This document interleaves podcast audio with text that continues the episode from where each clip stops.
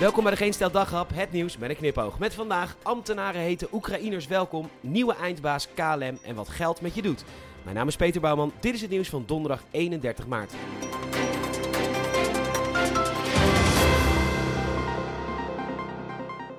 Veel Oekraïners die hier worden opgevangen willen gelijk aan de slag met werk of school. Maar volgens de Telegraaf is dat nog niet zo makkelijk. Bijvoorbeeld bij de gemeente Haarlem, waar mensen weken moeten wachten om ingeschreven te worden in de gemeente. En dan mag je niet werken, niet naar school en krijg je geen leefgeld. Het moet een heerlijk hartverwarmend welkom zijn als je voor het eerst oog in oog komt met een Nederlandse ambtenaar.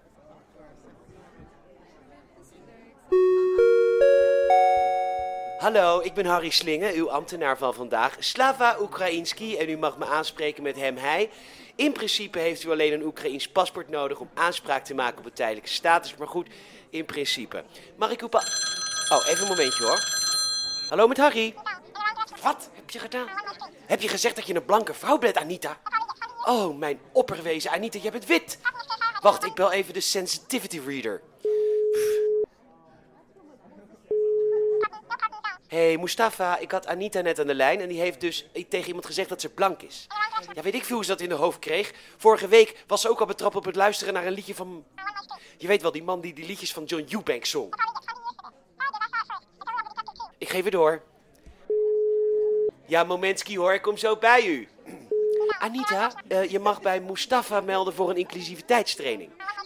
Ja, en ik moet zeggen, ik weet niet of het goed komt hoor tussen jou en Mufasa. Of zei ik Mufasa?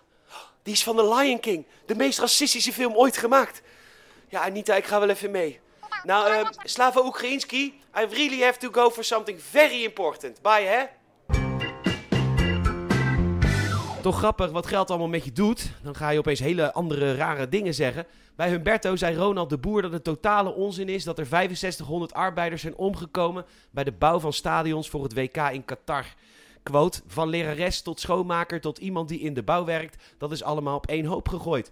Dat was natuurlijk super makkelijk geweest, had het gewoon kunnen tellen. Maar hij zei dit natuurlijk omdat hij ambassadeur van het WK in Qatar is. Louis van Gaal, daar niet op de loonlijst en goud eerlijk, of zoals hij zelf zegt, streed voor his turnip, die zegt gewoon dat het belachelijk is dat we in het land gaan voetballen. Mark Overmars had ook nog geen sorry gezegd voor de piemelplaatjes die hij stuurde naar medewerkers. Die gaat nu wel sorry zeggen omdat sponsors bij zijn nieuwe werkgever Antwerp weglopen. Ze proberen het niet eens meer te verbergen. Wat geld allemaal met mensen kan doen. Nou, dat heeft even geduurd. De eerste dag na de klap die Will Smith aan Chris Rock gaf, waren het vooral de mensen die het toch wel heel erg terecht vonden aan het woord.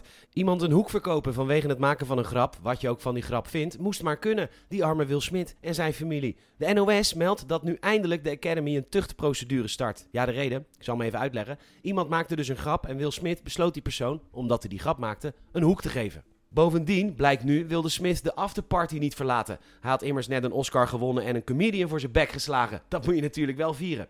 Hij kan gerooieerd worden als lid als de organisatie tenminste bereid is om daarvoor klappen te krijgen. Nieuw nieuws komt vandaag met gruwelijke details over de moord op de Italiaans-Nederlandse pornoster Carol Maltesi. Ja, zo spreek je dat uit, dat weet ik. Italiaanse media hebben de hand gelegd op verklaringen van haar moordenaar David Fontana. Het zou allemaal gebeurd zijn toen ze een pornofilm aan het opnemen waren. Een fetishvideo waar hij zachtjes met een hamer op haar sloeg. En toen opeens sloeg hij wat harder op haar hoofd en toen opeens bewoog ze niet meer. Toen was ze nog niet overleden, maar om haar uit de lijden te verlossen sneed hij haar keel door. Deed hij voor haar.